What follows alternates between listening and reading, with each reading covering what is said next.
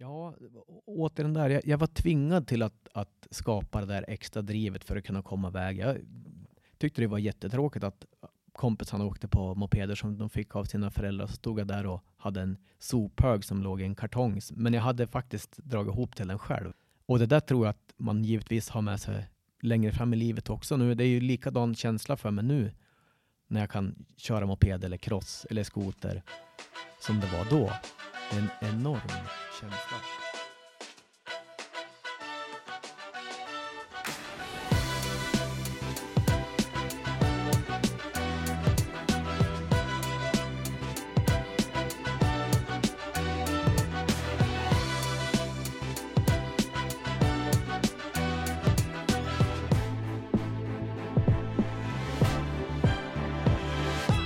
Då var det äntligen dags för ännu ett avsnitt av Snöskoterpodden. Det är nummer 17 i ordningen och idag när det här spelas in så är det riktigt vårigt här utanför fönstret i Sundsvall. Vilket gör att i alla fall jag känner ett visst vemod när man börjar inse att vintern och skotersäsongen faktiskt är slut för i år. Just här där vi spelar in. Men den där lilla negativa meningen, det är förmodligen det enda negativitet jag kommer bjuda på i det här avsnittet. För dagens gäst är nog en av de mest positiva människorna jag känner. Mannen jag pratar om heter Kim Thalén, som är ett mycket, mycket välkänt ansikte bakom kulisserna i skoterbranschen. Han kanske inte är synlig för er privatpersoner, liksom slutkonsumenter, men han jobbar som säljare på DBC som är Skandinaviens största distributionsföretag för snöskoterprylar med varumärken som bland annat Fox, Skins, RSI, To Be Outwear i sin produktportfölj. Han jobbar med skoterprylar, han kör skoter på fritiden, han fullkomligt lever snöskoter. Kim Thalén, hjärtligt välkommen till Snöskoterpodden. Men tusen tack Erik, fantastisk presentation. Ja, blir du lite stolt? Ja, men lite, lite mäktigt sådär att höra. Ja, när du hör dig själv utifrån. Ja, Ja, det känns superroligt att vi äntligen har fått till den här intervjun. För att jag har ju, jag vet inte, hur länge har jag försökt? När skickade jag första smset till dig och fråga? ja men vi kanske har försökt få ihop det på ett, ett halvår sedan. Ja, Var det ungefär första något du, sånt. du, du skickat? Ja, men det passar ju som aldrig. Men nu, nu sitter vi här idag. Jajamän, kul att vara här. Ja, nöjet är från min sida. Hur är läget? Men det är bra, hur är det själv? Jo, det är jättebra. Förutom då att skotersäsongen lider mot sitt slut så är det väl ändå, jag får väl ändå säga att det är bra. Ja, jag håller helt med dig. Jag skulle verkligen vilja få till eh, fler mil ute i snön än vad jag fått till i år. Men ja, Du- vi du har ju siktar på nästa Du har ju år. tjatat om det. Du har ju, vi har ju pratat lite grann här innan och du har ju sagt att du, du vill iväg en sväng till till fjälls. Ja, ja, jag- jag, jag måste försöka få till det på något sätt. Men Ja. Men det är det här jäkla viruset också. Man ska ju som inte ut och åka fram och tillbaka kors och tvärs över hela landet. Så man får se kanske om det går att styra ihop. ja, det kommer fler vintrar så, så Ja, det får vi hoppas. absolut. Med, med förhoppningsvis bättre snö längs kusten än vad vi har haft i år också. Ja, den här vintern då enligt mig var det lite bakslag. I alla fall när man bor längs kusten. Ja, såklart. Vi vill ha mer av det vita guldet. Ja, är givet. Hörru du, jag måste bara få fråga. Varför? Alltså det är, det är svårt så här. Du, du verkligen strålar ju glädje och positivitet i allt. Du är liksom yes! Man bara känner den här peppen när du kommer in i rummet. Vad roligt att höra, för det, det tycker jag är grymt viktigt att man, även som du säger när man kommer in i rummet, men, men när du har lämnat rummet är det så grymt viktigt att man ska ha en känsla av att vad hände här nu? Här vart det ju bra det och roligt. Men va- vart får du det här ifrån? Varför är du så glad och positiv hela tiden? Jag tror att det handlar om att kanske hitta sin egna drivkraft och sin energi av, av, av saker som, som ger en energi. Exempelvis gå ut och springa eller köra skoter eller cross och tanka in energin därifrån. Det är otroligt viktigt. Och sen liksom försöka ta med sig det i allting annat. Ja, och gör du det så, så blir det ju så allting så grymt mycket lättare och roligare och bättre. Va- Vad får du energi ifrån? Ja, men jag får som jag sa, jag, jag får energi utav att eh, vara med min familj givetvis. Jag får energi av att eh, springa, träna, eh, köra skoter, eh, köra cross. Jag har blivit lite till åren nu så att jag får till och med energi och, och lyssna på andra människor. Och, Kanske lite Snöskoterpodden? ja men precis, där får man lite pepp och lite motivation också. Och såklart att vara med positiva människor som ger en energi också. Det är Ja. otroligt viktigt. Ja, men det är ju det. Alltså allting grundas ju i vad man har för umgänge någonstans. Det är ju där man får det mesta. Ja, och det är otroligt viktigt också att man är med, med de människorna som ger en energin och inte tar energin. Nej, men verkligen. Det håller jag helt och hållet med om. Vad är DBC för något? Om man ska förklara för någon som inte har någon aning, för det är ju det företaget du jobbar åt. Ja, precis. Eh, DBC, eller Duell som vi heter nu för tiden, eh, vi är en grossistfirma som säljer produkter inom eh, power, vad ska man säga, powersportsegment. Det är ju MC, cross, ATV, snöskoter och marint som vi har produkter till. Eh, och vi har cirka 3500 återförsäljare runt om i eh, numera Europa som då köper produkter till sin butik och eh, några av de varumärkena drog det upp innan här som Fox, Aero, Skins, Kamso, Fox, Tobii. är några av de 180 varumärkena som vi distribuerar. Shit, det är så mycket alltså. Ja, det är en riktigt, riktigt bred portfölj. Eh, någonstans har någon sagt att vi har runt 150 000 artiklar. Galet. Ja, så vi kan tillgodose de, de eh, alla butiker som finns i, i Norden. Ja, så att eh, då DBC eller Duell liksom säljer, köper in grejer från hela världen Mm. och sen säljer det vidare till alla skoterbutiker runt om i Skandinavien, alltså eh, Finland, Norge, Sverige. Eh, Precis. och sen så säljer då butikerna till slutkonsument. Ja. Ja, Så det. allt som hamnar i handen har vi lagt vår hand på. Mm. Ja, coolt ändå. Alltså ja, det, det, det, måste finnas... det är enormt stort alltså. Ja, jag tänkte säga att det måste finnas oändliga liksom, möjligheter när man jobbar med så många olika varumärken. Ja, ja verkligen. Det är eh, enormt mycket prylar och eh, kunna och eh, att man ska lära sig. Det, det, det är kanske inte i, i alla fall att man kan allting, men, men eh, det finns enorma möjligheter. Och utmaningar såklart. Ja, men verkligen. Jag kan tänka mig tidsmässigt. Det måste vara skitsvårt att hinna, alltså, hinna med och grotta ner sig i alla olika varumärken. Ja, man måste ha en verkligen bra prioriteringsplan och veta vad är det man ska göra vid den här tidpunkten och vart ska jag lägga mitt krut på och vem, till vem ska jag lägga mitt krut på. Så det är enormt viktigt att, att, ha- att ha en plan bakom för sig. Nej, Jag, jag tänkte vi ska komma in lite mer sen på, på ditt jobb eh, som är, i alla fall för mig, väldigt intressant i och med att du säljer så otroligt roliga grejer som förmodligen alla som lyssnar på den här podden även gillar.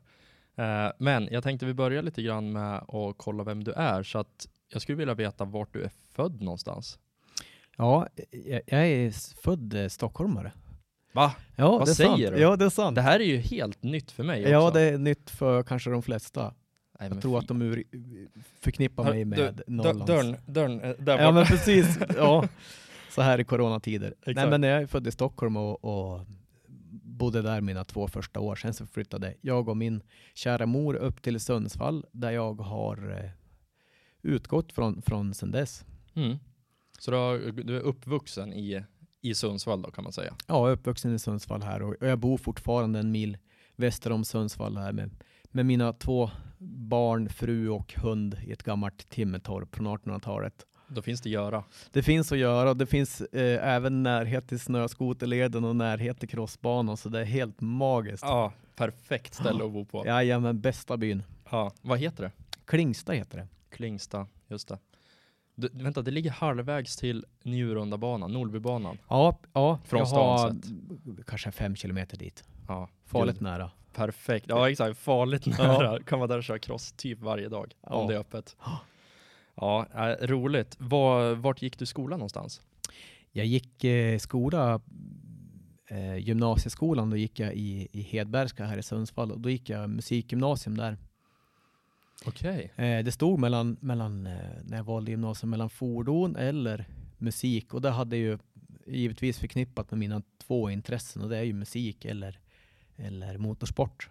Och då var det gymnasietiden musik som vi gick där då. Okej. Sp- Spelar du något instrument eller sjunger du eller vad gör du för något? Ja, jag, jag, spelar trummor och har gjort det i ska vi räkna om år? Det är 32 år sedan vi startade första bandet. Nej, är du seriös? Ja, 32 år, men du är ju 38 år gammal nu. precis. Sex år så startade jag och min kusin första bandet. Nej, Eh, vad sjukt. Ja, och det bandet repar vi med lite nu också nu för tiden. Så, Ja, vad roligt. ja, Vad ja. heter bandet? Eh, Garbo. Okej, det, det, känner jag, det känner jag igen.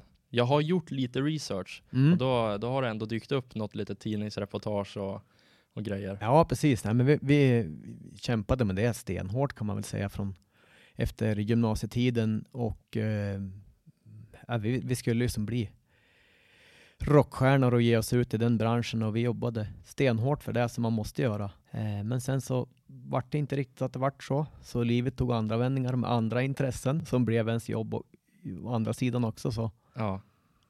Men eh, hur många år liksom la ni he, en, eh, så, hur många år la ni helhjärtat på att eh, kunna livnära er som, som musiker? Helhjärtat la vi nog eh, sju år. Va? Så länge? Ja. Och jäklar. Men, men då, då misstänker jag att då var det inte på en hobbynivå. Ni var ändå ute och turnera och spela så ni gick runt. Ja, vi gick inte runt, men man fick ta till alla olika metoder för att skapa det och gå runt. Okej, exempelvis spännande. bidrag, exempelvis sponsoravtal med diverse restauranger. Eh, man fick ju försöka med alla tricks. Spela på ålderdomshem, spela på mässor, eh, sälja musik till eh, eh, reklamfilmer, eh, spela in bröllopssånger sånger för den som skulle ha möhippa exempelvis. Man, man fick vara så otroligt kreativ. Det var ungefär som det här yrket, det är bara att sälja hela tiden. Precis, sälja vi- in sig själv. Ja, men vi, vi, vi bodde i- i bussar och vi turnerade runt och vi var turnerade i USA också. Så vi var, vi var verkligen, verkligen nära att slå där, men gick inte riktigt hela vägen. Men spelar ni mycket som förband och sådär då, när ni turnerar runt? Ja, vi spelade en hel del som, som, eh, som förband då. Men vi, vi, vi fick skapa rätt så mycket själv också. Skapa egna spelningar och sätta ihop eh, olika konstellationer bara för att, för att liksom slå oss fram. Aj, jäklar vad roligt. Ja, Ja, det måste verkligen ha varit kreativt.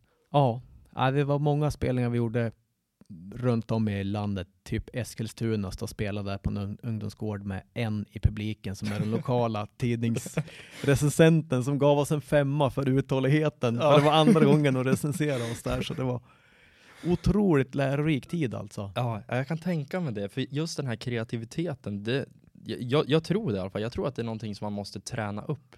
Jag tror inte det är någonting, alltså vissa har ju såklart från barnsben, men jag tror också att man måste utmana den där kreativa sinnet. Man måste liksom driva på och försöka utveckla det. Annars så blir man inte riktigt kreativ heller. Nej, och, och, och blir, i det fallet var vi, vi var tvingade att, att, att vara kreativ. Det var som det enda sättet för oss att komma fram. Vi hade som inte, på den tiden hade vi inte Facebook eller, eller de här musikkanalerna som finns nu, utan vi tog kontakt med ett band i USA och bara skrev till dem och frågade, kan vi åka och spela förband åt er? Och så gissade vi att det kanske går vägen. Sen tappade vi musikinstrumenten i, i Tyskland och kom dit utan instrument och spelade i Brooklyn samma kväll och löste det på något sätt också. Men det var som så konstigt. Vi åkte dit utan att känna den där och innan, som sagt, internettiden så var det en helt annan grej att ta sig fram. Ja, det måste ha varit svårt. Och liksom in, hitta.se, det fanns inte, utan Nej. eh, då pratar vi telefonkatalog. Ja visst, men då fick man ta till andra metoder som typ använda Sverige i namnet och, och locka in så att här kommer det här coola rockbandet från Sverige till USA. Så vi blev tvungna att hitta lite mervärden där. Ja, exakt. Ja, vad jäkla, jäkla häftigt ändå. Alltså, det måste ha varit sjukt rolig tid. Eh, väldigt, väldigt kul tid. Extremt kul. Ja. För då, du, du gick då ur gymnasiet. Mm. Vad tyckte du om skolan förresten?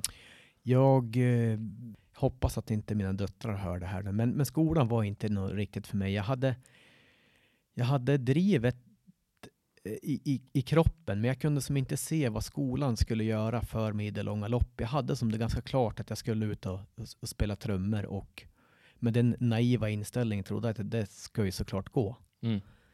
Så att skolan var egentligen ingenting eh, för min del. Nej, det var ett ont måste. Det var ett ont måste och jag kommer ihåg i högstadiet så satt jag mest och bara såg trimcylindrar framför mig och hu- hur jag skulle få ihop till att köpa soppa till moppen och ta mig hem ungefär. Ja, vi, vi pratade lite grann här innan. Bara så här, ja men intressen och sådär. Du bara, ja men mopeder, alltid varit jättestort intresse. Ja, och det, och det är konstigt nog, det är det fortfarande. Ja, eh, jag blir så förvånad när jag hör det, för för mig då är moppetiden, den är helt förbi, men för dig så är den fortfarande kvar. Ja, men det är som något speciellt där. Det var, det var den tiden som man fick börja med att man fick ett extremt eh, intresse över att få köra någonting. På den här tiden så hade jag absolut inga medel till att få en moped eller så det var som samma sak där. Det var bara att ta itu och panta burkar eh, och klippa gräsmattor, försöka få ihop till 100 kronor och köpa någonting som låg i en låda och sen lära sig den hårda vägen och skruva ihop de mopederna, få dem att gå, sälja dem, köpa en ny, lite bättre, lite pengar där, ledde till det andra. The hard way. Ja, det var verkligen the hard way. Men någonstans så har du ju ändå liksom, jag vet inte, du har alltid varit driven, men det kanske har skapat ett ännu bättre driv. Ja, återigen där, jag, jag var tvingad till att, att skapa det där extra drivet för att kunna komma iväg. Jag tyckte det var jättetråkigt att kompisarna åkte på mopeder som de fick av sina föräldrar. Så stod jag där och hade en sophög som låg i en kartong. Men jag hade faktiskt dragit ihop till den själv. Och det där tror jag att man givetvis har med sig längre fram i livet också. Nu, det är ju likadan känsla för mig nu när jag kan köra moped eller cross eller skoter som det var då. Det är en enorm känsla att kunna betala den där saken. Och man har gjort det, man har dragit ihop pengarna själv. Ja, det, är, det är jätteroligt. Jag, jag, jag, förstår verkligen känslan. Det är exakt samma sak. Alltså det spelar egentligen ingen roll vad man, vad man köper, om det är en moped eller skoter eller en bil, men bara den här känslan av att Uff, nu har jag jobbat ihop den här. Det är ju Mm. oslagbar känsla. Ja, verkligen. Just då tyckte jag inte att det var så kul när jag stod med de där skrotgrejerna. Jag ville ju köra och jag ville ju gasa där och de andra for med sina nya grejer och bara hoppa fram där. Men eh, jag tror att det är bra att man får, får skapa det man, eh, det, det man vill åstadkomma själv. Ja, nej men verkligen. Men ha- hade du många kompisar som, som, som fick grejer som du liksom jämförde dig mot? jag kan inte säga, inte, inte många, men, men, eh, men det, deras, deras ekonom, ekonomiska situation såg eh, väldigt annorlunda ut. Men, men du har liksom alltid varit motorintresserad? Alltid varit motorintresserad. Från, ja, så länge jag bara kan komma ihåg. Oavsett vad det är som lät och rörde sig så var det, vart jag helt galen. Jag vart som, ja, jag vart som besatt av det. Men var, var kommer det ifrån då? Ja, jag vet inte. Min pappa är jazzmusiker, trummis han också. Okej. Och min, min mamma, min mor, hon kommer ju från en pastorsfamilj, så jag vet inte som vart jag har fått de här. det är en konstig korsning. ja, verkligen en konstig korsning. Så, så kanske någonting man har skapat själv.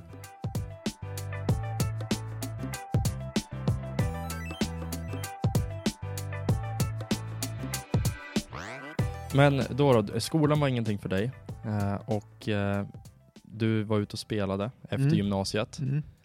När du kom hem då, eller liksom när, när du kände bara, "Nej, men nu skiter vi i den här musiksatsningen. Vad, vad ägnade du dig åt då? He, under hela den där tiden så, så jobbade vi alla i, i det bandet med olika saker. Vi tog, du, jag, jag eh, gjorde allt från städa trappor, jag sålde annonser, jag sålde, ja, jag sålde för övrigt allt jag kunde sälja och köpa och Ja. sälja givetvis. Eh, jag eh, jobbade som assistent, jag jobbade och servade kaffemaskiner. Verkligen, verkligen allt som bara kom sig för. Men jag, men, men jag vill någonstans ha, ha en känsla av frihet, just att vi hade det här med band och att, att vi blev tvungna att vara lite fri. Så man var som hanka sig fram. Mm. Men vi hade målet och drivkraften vid bandet. Eh, och så sen när, när, när, det, när vi tog beslutet att inte satsa på det längre så, så var det som konstigt att jag kan tänka mig som idrotts om du har hållit på med idrott och slutar med det helt tvärt så blir det nog liksom sådär. Du har alltid haft det där målet och alltid haft det drivet att vi, vi ska göra det här tillsammans och så, och, så, och så tappar man det. Och så får man skaffa sig ett jobb som är kanske ett mer vardagligt jobb. Det måste vara jättekonstigt. Du är van att kliva upp och alltid träna eller lyssna på kroppen Ja. eller så här helt plötsligt, ja då ska du lyda någon annan eller vad man Mm. ska säga. Ja, men då får man, får man ta tag i den situationen och eh, då gör man det och då blev man tvungen att sätta upp lite andra planer och inte bara leva för dagen och inse att man blir ju faktiskt äldre också. Och då, vad skaffade du för jobb? När du kände att du skulle bli äldre? Då skaffade jag ett jobb som trummis i Rednecks. Nej. Jo. Trummis i Rednecks. Ja, Den ökända dängan, Cotton Eye Joe. yes. Så du har spelat med Rednecks? Jajamän. Så jag vet inte om det var Det svar på att jag ska skaffa ett seriöst, för det låter som det är hur oseriöst som helst. Det låter som en rövarhistoria som du hittar på, men det är alltså sant. Ja. Eh, samtidigt som, som vi gjorde det så började jag jobba extra i en, en butik som sålde crosscyklar. Så det var ganska bra kombinering där och, och eh, på veckorna kunde jag sälja crossprylar och reservdelar och sådana saker och var jordnära och på helgerna och eh, vissa veckor så kunde jag vara ute och låtsas att jag var jättestor rockstjärna. Men eh, alltså, nu, det, det här, jag, jag får så mycket frågor i mitt huvud nu. Jag vill, vi, vi, vi, jag backar, vi backar bandet lite grann. Hur fasen kommer man i kontakt med Rednecks? I Sundsvall? För du bodde ju Eh. i Sundsvall på den här tiden. Ja, precis. Men, eh, jag skaffade ju då ett jobb och servade kaffemaskiner på industrier i Sundsvall. Kanske är det tråkigaste jag ju någonsin gjort. Ja. Så det gick ungefär ett halvår eh, där med det jobbet och sen så ringde min gamla sångare i, i gamla rockbandet som då hade börjat sjunga med Rednecks och eh, frågade om jag ville följa med och spela trummor på turnén. Och så vart det. Och du var inte sen att tacka nej. Nej, Eller tacka så, det ja, var, menar så jag. det vart ett halvår med någon slags vuxenplan och jag hann klippa av håret också men det där växte ut igen Ja. snabbt igen så det var inga problem. Och eh, sen så turnerade jag med Rednecks där ute i Europa och Sverige.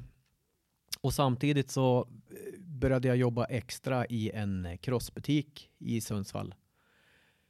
Så jag knöt som ihop intressena där både kombinerade musiken med, med motorsporten då och, och, och säljet då i den butiken. Och sen eh, vart det andra saker som kom in i bilden. Jag, jag träffade min, min fru och hon eh, drev då en restaurang och vi fick reda på att vi skulle ha barn.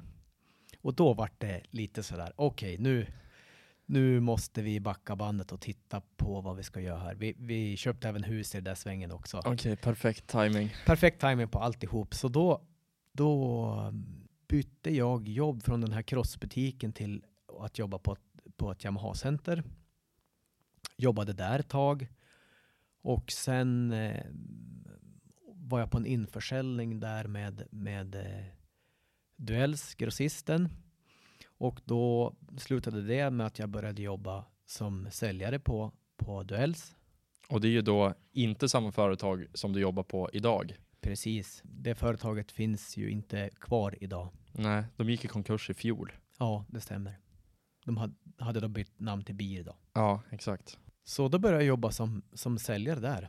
Och då, då var det seriöst. Ja, men eh, du hade liksom ingen erfarenhet då från att sälja grejer mer då än att stå i butiken. Du hade liksom inte den här, vad ska man säga, komma med en eh, dator och eh, räkna marginaler hit och dit och göra liksom riktig försäljning eller vad man ska säga. Jag hade, jag hade ju hela tiden under hela livet sålt, köpt och sålt saker. Givetvis så, så bondmatten hade jag. Men att, att sitta i Excel-filer, eh, det hade jag inte gjort. Nej. Så det hade jag inte en aning om hur jag gjorde heller. Så du gav dig ut och började sälja utan någon som helst kunskap? Ja, jag gav mig ut och, och kör, körde där med bilen, datorn och telefon. Och, eh, Men fi- fick du liksom ingen, ingen grundutbildning då? Jag fick, jag fick en utbildning eh, från företaget sett, men, men eh, jag kanske skulle ha haft lite mer utbildning. Ja. Och hade som inte full koll på allt Nej. i början där, som man såklart inte kan ha. Nej, nej. Fake it till you make it. Ja visst, ja, men det var en jätterolig resa och så otroligt lärorikt. Mm. Men så du åkte bara runt du hade liksom katalogen, dator, telefon, åkte runt. Ja, nu ska vi sälja snöskotergrejer. Ja, Hur bar du dig åt? Ja, jag, jag, eh, jag fick läsa på väldigt mycket. Eh, jag fick läsa de här katalogerna upp och ner och jag, jag frågade nog en hel del och sen var jag ganska öppen med att jag kanske inte kunde allt från början. Mm. Och så sen tror jag att jag lyssnade ganska mycket i början över vad, vad, vad, vad vill kunderna ha och vad, vad, vad kunde jag hjälpa dem? Ja, väldigt förstående kanske. Ja, Men, men hur, när du räknade, alltså gjorde du mycket fel? Jag tänker bara så här, ja, men när du inte hade jobbat med det innan, ingen erfarenhet, kommer ut, bara katalog, ska sälja grejer. Blir det att man gör mycket misstag? jag som så många andra har ju gjort jättestora misstag. Sålt saker med förlust, givetvis, som eh, många gör. Det är Eh, preskriberat nu, Ja, det är preskriberat. Nej, det är, ja, det är det. Är Ja. visst del. typ. Men också sen att man kanske i stressade lägen att man när vi gör ordrar så heter saker och ting olika som exempelvis artikelnummer. Då kan man ibland av mänskliga faktorer snubbla på en etta istället för en sjua, vilket innebär att det kanske kan komma till kunden en bandsats istället för en, en liten slang. Ja, och sen så Och sen kan det där tokigt. också halka till att det kanske blir hundra sådana istället för en sån. Ja, Och det kan få jättestora konsekvenser som det såklart har fått många gånger. ja. Ja, men återigen, det där är ju någonstans att lära sig den hårda vägen. Och det är väl det som tar en framåt också. Ja, och då måste man ta ansvar. Så Ja. enkelt är det. Ja, men precis. Men du kom ändå in snabbt i det här jobbet. Ja, jag kom in snabbt i det. Jag tyckte det var enormt roligt och jag fattade ju snabbt att här går det att göra bra saker och här går det ju att springa fort så att det händer lite grejer. Och i och med att tiden vart mindre och mindre med, med mycket jobb, eh, familj, hus, så insåg jag att att hålla på och kombinera med att köra cross och skoter och hålla på med musik och allting tillsammans funkar ju inte alls. Så jag, jag kunde ju lägga drivkraften här och energin på, på jobbet och jag tyckte ju att det var extremt kul. Ja, det blev liksom ett nytt intresse. Jag har varit ett, ett nytt intresse och jag, jag kunde göra liksom en, en plan av, av drivkraften och, och eh, se att det kom, det, jag, jag kunde komma framåt med det. Så det var en, en, en otrolig lyckoträff. Ja, men det måste jag, jag vet inte. Ja, men, och, och gå lite från det här att man, att man bara ser det som ett jobb. Alltså, ett, ett jobb är någonting man förknippar med att vara tråkigt. Till att det känns som att där kanske du börjar förstå att, men, vänta nu, det, det behöver inte vara så tråkigt, utan det här blir ju ändå, det, det blir någonting man verkligen vill kämpa för. Ja, och som innan när man jobbade i butik och sådär och var ute och spelade och jobbade, då var det som att jag jobbade för att få ihop till att få köpa soppa till crossen eller Ja. köpa soppa till skoten eller köpa kanske en lite nyare skoter. Det här vart det som en, en, em, ja, en annan drivkraft. Och under de här åren så har ju, har ju det förändrats enormt mycket med, med smartphones, med hur vi köper, internethandel kontra butikshandel. Och det har varit väldigt lärorikt och eh, hängt med i de här svängarna. För det utvecklas ju så otroligt fram, snabbt nu. Ja men verkligen. Alltså, först iPhonen kom 2007. Ja. Alltså räkna vad som har hänt sedan 2007. Det är inte många år sedan egentligen. Jag menar, vi har gått från att en dator inte ens fanns till var i varje hem till att det nu finns, det, det ska finnas i varje hem, till att typ datorn börjar bli omodern och det är mobilen som gäller. Och, äh, det, det har hänt så otroligt mycket. Ja, och, och som sagt, det händer ju dagligen hela tiden, så vi är ju verkligen med och eh, ser vart trenderna går nu. Man måste vara, verkligen vara med. Ja, och under de här åren, det har ju inte bara hänt mycket saker i, liksom, i köpbeteende och i hur vi konsumerar grejer, utan det har ju även hänt otroligt mycket för, för dig yrkesmässigt. Jag menar, det har gått från att vara, vara, eh, vad ska man säga, artist till att du eh, kränger grejer och jobbar med inköp och allt möjligt i skoterbranschen. Ja, jag har verkligen haft privilegium och kunna få prova olika saker inom den här rollen. Även, även eh, varit och jobbat på produktsidan också. Eh, och då får du ju en sån otroligt bättre förståelse för hela kedjan och hur, hur processerna ser ut för att från ett, en idé till en färdig produkt, hur, hur lång den vägen är och, och egentligen i vårat led så är det väldigt tråkigt. Vad då? då? Ja, den, den, den, eh, man kanske tror att det är som bara att ta fram ett par rosa gummihandtag så är livet eh, glatt och fröjt med det. Men riktigt så fungerar det inte utan det är mycket som ska spela in. Minimumkvantiteter, priser. Ja, det är mycket Ehm, baksida. Ja, väldigt mycket baksida som man inte förstår som slutkonsument. Ja. ja, verkligen. Men det har varit jättekul att fått gjort eh, många olika delar Mm. inom den här verksamheten. Ja, för någonstans det är ju så här, när du har den färdiga produkten, då är det ju så jäkla mäktigt. Otroligt häftigt. Ja, men just det här, allting annat, det här tjafset runt omkring, som du säger. Ja, du måste köpa visst många, det är prisförhandling, det är fraktvillkor, du ska, inte vet jag, det är en container som fastnar i Kina och den tar sig inte till Europa. Det är så mycket grejer innan den faktiska produkten finns tillgänglig. Mm. Och det är så otroligt mycket som kan hända under vägen, som kan gå snett. Ja, exakt. och lång, led. långa ledtider, stora inköp och eh, som du säger, containrar som fastnar och andra saker. Och, och då har man varit ute och lovat att de här grejerna kommer komma och de kommer i er butik och så gör de inte det. Men Nej. det, det, är, det är verkligheten, det är baksidan. Ja, visst. Bakom kulisserna. bakom, det det är, är, precis verkligen, det verkligen bakom kulisserna. Det är inte bara roligt Nej. alla gånger. Nej, visst. Men någonstans, det kommer ändå tillbaka till den här glädjen som finns för produkterna. Ja, och då är det så grymt bra att ha den här positiviteten med sig och eh, drivet framåt för att kunna mala igenom Excel-filerna och minimumkvantiteterna Ja. och olika valutor. Ja, men visst. Nej, men för det är ju roliga produkter som de här Excel-listorna bygger på. Mm. Så även om ja, grundjobbet, ja, ibland, det är ju skittråkigt alltså. Men bara att du ser eh, roliga saker på skärmen. Istället för att du tittar på en bokhylla på bild så tittar du på ett skoterstyre. Ja, Det, blir så mycket enklare. ja, visst. Och du kan sätta dig in i vad är det den här skoterstyret vill förmedla? Hur beskriver vi den här känslan? Vad vill vi att den ska göra? Just Mm. den här bocken för den här föraren kommer göra att den kan hoppa så här istället. Ja, exakt. Det kan vara som sitta där och drömma sig bort. Och, Man kan ju föreställa sig själv också. ja, man kan låtsas tro att man kan få vara och whippa med det styret. exakt. Egentligen så vrider man på rumpan lite. Bara. Ja, exakt. Sitta och vicka på huvudet. Ja.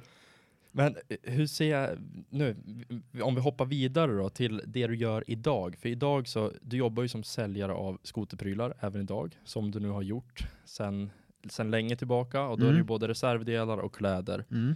Du är ju även resande i Sverige, så Ja. du träffar ju olika människor i stort sett varje dag. Ja. Kan det vara så att du har världens roligaste jobb? ja, men det tycker jag.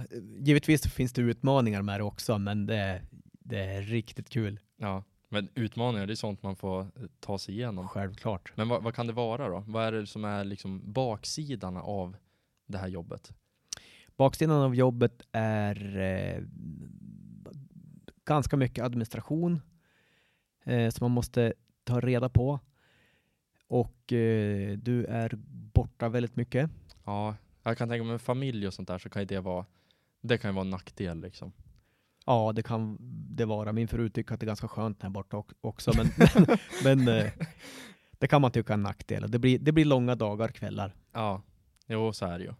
Men det kanske någonstans ändå vägs upp av att ja, men man, man får jobba med någonting som man verkligen tycker är roligt. Precis, det är roliga produkter, det är frihet under ansvar och eh, med det så gäller det även att lägga många timmar på det. Ja, ja men det, det blir ju så. Men hur skulle du säga att en vanlig arbetsdag ser ut för dig?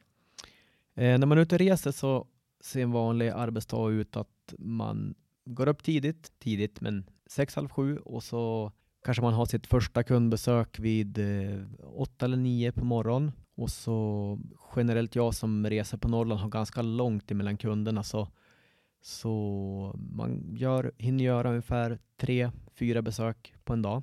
Och då, du utgår ju från Sundsvall så då kan det ju vara så att du har ett kundmöte i Övik klockan Ja. nio. Ja, Och då är det bara att sätta sig i bilen. Ja, precis. Och jag har sista mötet i Umeå kanske. Och eh, då säljer man saker där och eh, tittar vad, vad de behöver och vad vi har och gör lite planer med, med kunderna.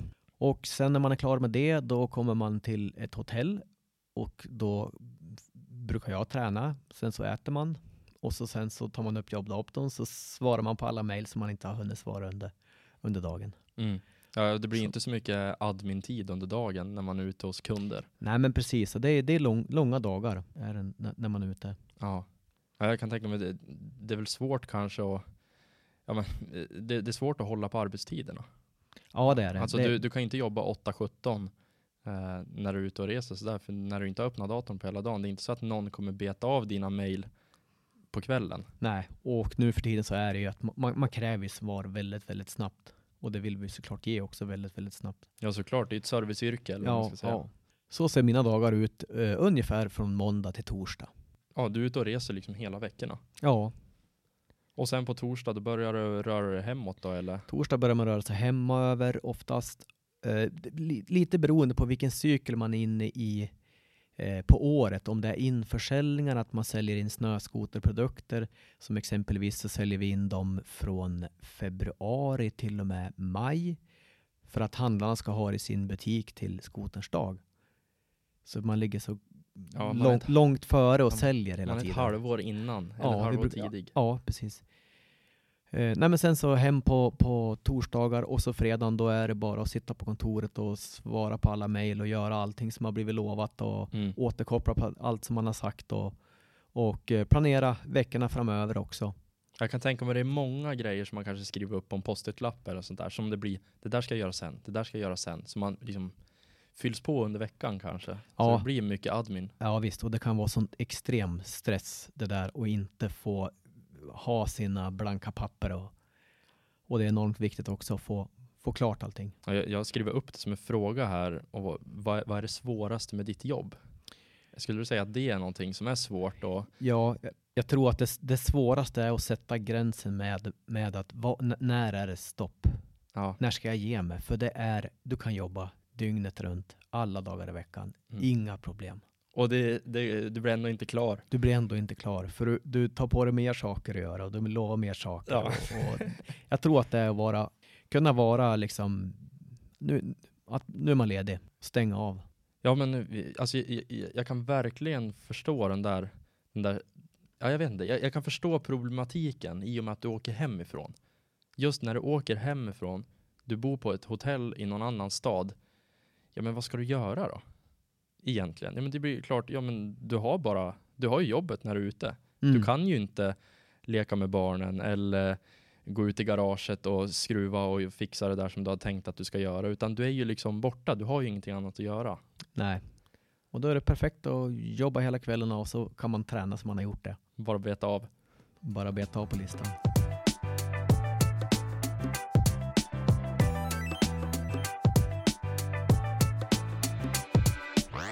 Men vad skulle du säga, om vi, om vi går till motsatsen då, vad skulle du säga att det är det bästa med ditt jobb? Vi var inne lite på det förut, att vi har så extremt roliga produkter och som man kan, eh, du, du kan själv, mm, du, du vet själv hur roliga produkterna är och då är det som lättare att sälja in dem. Och sen så har vi ju kunder som också är passionerade. Så det är ju extremt roligt att besöka kunderna som man har känt i många, många år och, och eh, det är verkligen hur roligt som helst. Ja, det blir så mycket glädje förknippat med det man håller på med. Ja, ja verkligen. Ja, det, det är eh, väldigt, vad ska man säga, alla sådana här passionsdrivna branscher, det, må, det måste ju vara otroligt roligt att jobba i det om man är intresserad av det, annars måste det vara ja, rätt tråkigt. Ja, jag tror inte det är så kul att vara ute och och beskriva passionen över det där styret. Om du inte vet om det eller hur det känns. exakt, om man inte vet hur det känns, nej. nej men verkligen. Men eh, ser du någon nackdel i att jobba med sitt intresse? För det är någonting som jag tänker på rätt ofta om man, jag jag jobbar ju själv i skoterbranschen och jag, jag tänker ofta att man kanske, eh, kommer, kommer jag förstöra den här passionen, den här glädjen? Kommer jag, kommer jag tröttna på skotrar när jag jobbar med det dagligen? Kan man liksom bli less på det skulle du säga? Nej. Jag, jag, kan inte bli less på det. Gud vad skönt att höra det svaret. Ja, jag, jag, kan, jag kan verkligen inte bli less på det. Jag tycker det är så grymt kul att komma hem. Alltså då kan jag komma hem och skruva och mina egna prylar och Ja. tycka att det är så grymt roligt. Ja.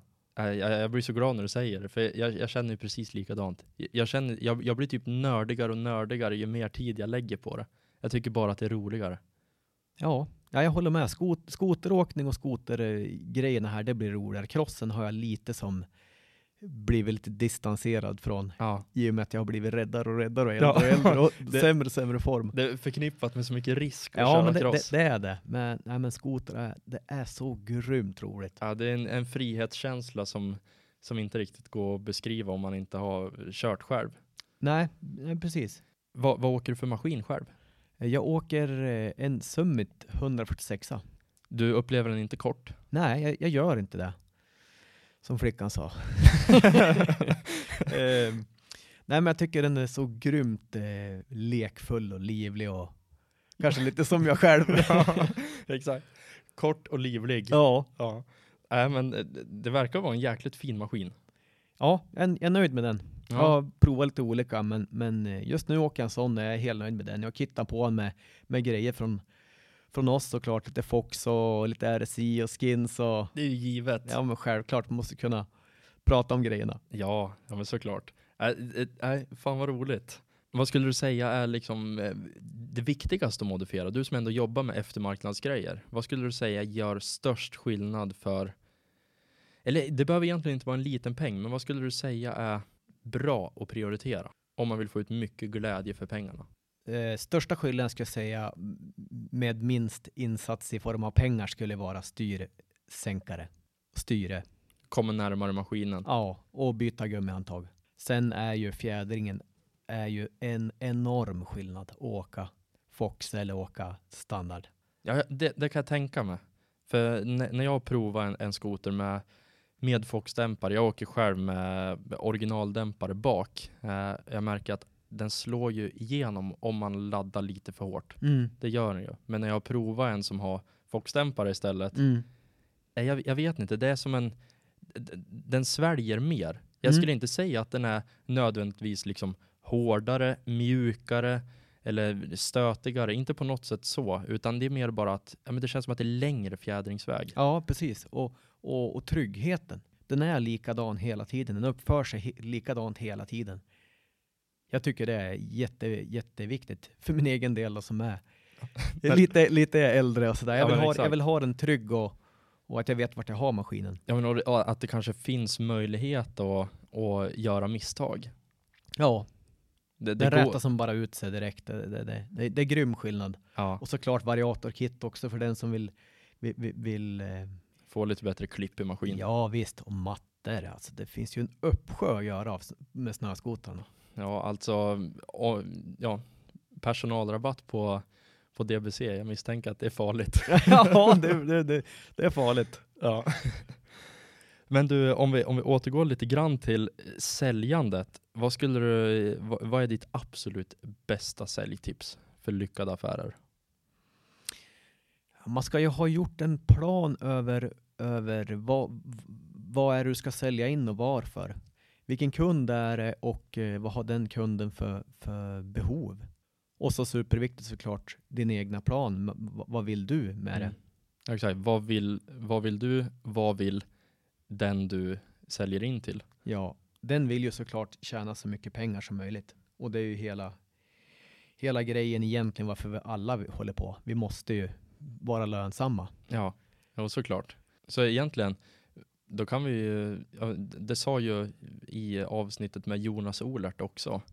Han, sa det liksom, alltid sträva efter win-win Ja. i alla affärer. Ja, Så det kanske stämmer, även nu från, från din sida. men så är det. Det, det är enormt viktigt och, och vi som jobbar med, med samma kunder hela tiden som återkommande, vi måste ha så otroligt långa och bra relationer med dem så det går som från vår sida inte att hålla på och sälja onödigt mycket åt någon för det får du som äta igen utan det måste vara sunda affärer hela vägen och, och eh, handlarna är beroende av oss och vi är beroende av handlarna så vi måste ha ett, ett bra samspel. Ja, det måste ju verkligen vara ett samarbete. Ja, För om, om du trycker på som tusan och bara så här, nöter, säljer in, trycker in grejer, det kanske går. Alltså, det går ju såklart att ge bättre priser och få in mer prylar i butikerna. Men det får du ju tillbaka säsongen efter när de då inte köper någonting. Så det är alltid en, en, en vågskål där. ja. och det, som jag sa förut, vi, vi är så otroligt, vi behöver vara så nära marknaden. Vi måste veta vilket styre är det som går, vilket gummigrepp är det som går och kunna beräkna vad marknaden vill ha och vad vi kan leverera. För att annars får vi som inte ihop matematiken. Och jag tycker, jag tycker att vi är extremt duktiga på att lyssna på vad marknaden vill ha. Vi frågar handlarna vad de behöver, vi frågar slutkonsument vad de behöver. Vi är verkligen, verkligen på det hela tiden. Och det måste man vara för att, för att lyckas. Ja, ja för ni utvecklar ju också en hel del egna produkter. Och Ja. då gäller det verkligen att lyssna på vad marknaden vill ha så man inte går på en riktig nitlott och tar fram någonting som, som ingen vill köpa. Nej, verkligen. Och det, återigen, lyssna på vad marknaden vill ha. Ja, det känns ju som att det, det är ju verkligen det man måste göra. Men du, nå- någonting som jag tänkte på där också, du sa att ni jobbar med 180 olika varumärken, och 150 000 ungefär olika artikelnummer. Alltså hur lagerhåller man där? Det måste ju vara helt galna lager. Det är helt galna lager. Helt galna lager. Vi har två olika lager, ett i Tranås och ett i Vasa. I Finland. Ja, i Ja, Finland. ju- för, för det har vi väl inte sagt heller, det är ju ett finskt företag. Precis, finns ett företag som startades 1983. Så ja, det är jättemycket prylar. Vi har ungefär 20 000 kvadratmeter lager. Oj. Ja. Då tar det en Smaka stund på att- den. Ja, då tar det en stund att gå mellan de olika hörnen. Ja, det, det krävs enorm eh, logistik för att få ihop allt det här. Ja, det blir ju liksom, ja, det blir lika mycket logistikföretag på något sätt. Ja, Eh, det är ju inte bara det är inte bara att kränga lite styren och styrhöjare och mattor och sånt där, utan allting ska ju ändå tas hem. Det ska komma i en container, det ska fraktas in, inlevereras på lager, förvaras någonstans innan det går ut till kund. ja. Och ofta så har vi ju olika säsonger som går i varandra hela tiden också. Snöskoter är en del av våran business. Sen har vi ju marint sortiment. Vi har MC som är väldigt stort. Cross, moped, eh, ATV. ATV också som, som, eh, som är stort också. Så det blir krockar i, i säsongerna också. Gud, jag ser bara så här, okej, lagerhålla plogblad till ATV, Ja. lagerhålla fälgar, däck, Ja, skotermattor. Timmervagnar, bandsatser. Åh, åh, dra åt helskotta, jag blir alldeles svettig. Ja, det är väldigt, väldigt stort. Ja. ja, men ändå roligt. Det finns ju en, jag kan ju tänka mig att det finns en hel del utmaningar i det här, men det finns ju också så extremt många möjligheter. Mm. Ta till exempel konfektion som ändrar sig så, så väldigt snabbt. Så ett år så kan ju gre- gre- grejer bli gamla som vi har. Mm. Ja, men kläder, utgående varje år. Ja, Varje år i stort sett. ja det, det, det är en utmaning att jobba med. Ja, Så kan vi väl säga. ja exakt. Hörru du Kim, eh, vill du veta en sak? Få höra. Nu har vi snart spelat in i en timme. Ja, helt otroligt. Hur tycker du att det har känts? Det känns, känns, eh, känns bra. Jag tycker att det, det är lite annorlunda att sitta framför mikrofon i en sån här situation än vad det gjorde för 20 år sedan när jag hade Ja. långt hår och spelade trummor. Och, och, eh, Men du har aldrig spelat in någon podd förut? nej, första gången jag spelade in podd. Ja. Har du någon annan erfarenhet av liksom prata i mikrofon? Förutom att sjunga då? Ja, jag har lite erfarenhet av det, det förut sen artist, artistlivet. Rockstjärnelivet. ja, precis. Ja, men första gången i en podd. Så det känns ju som en stor ära att det var första gången blev Snöskoterpodden. Ja, vad kul att jag fick vara här. Ja, det känns, eh, som, som jag sa i början, det är nöjet på min sida. Om man skulle vilja komma i kontakt med dig, hur gör man då? Om man vill komma i kontakt med mig så kan man göra det att man skickar iväg ett mail till kimkim dbc.se. Enkelt. Skulle du vilja rekommendera något? Jag skulle vilja rekommendera att antingen läsa en god bok eller lyssna på en god ljudbok om man sitter många timmar i bilen och motiverar och peppar sig själv. Det finns fantastiskt bra ljudböcker där ute och böcker som man kan få bra motivation och pepp av. Ja, och du är van att fördriva tid med, i, ja, fördriva tid i bil framför allt. Ja, och där är det jät- jättebra tillfälle. Ringa runt till alla man känner och alla sina kunder och sälja saker och givetvis eh, fylla på energibanken av andra som kan ge energi. Roligt!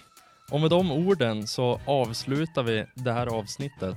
tack så jättemycket för att du har lyssnat och glöm inte nu att följa Snöskoterpodden på Instagram. Kim Thalén, stort tack för att du ville vara med. Tack, tack. Ha det gott.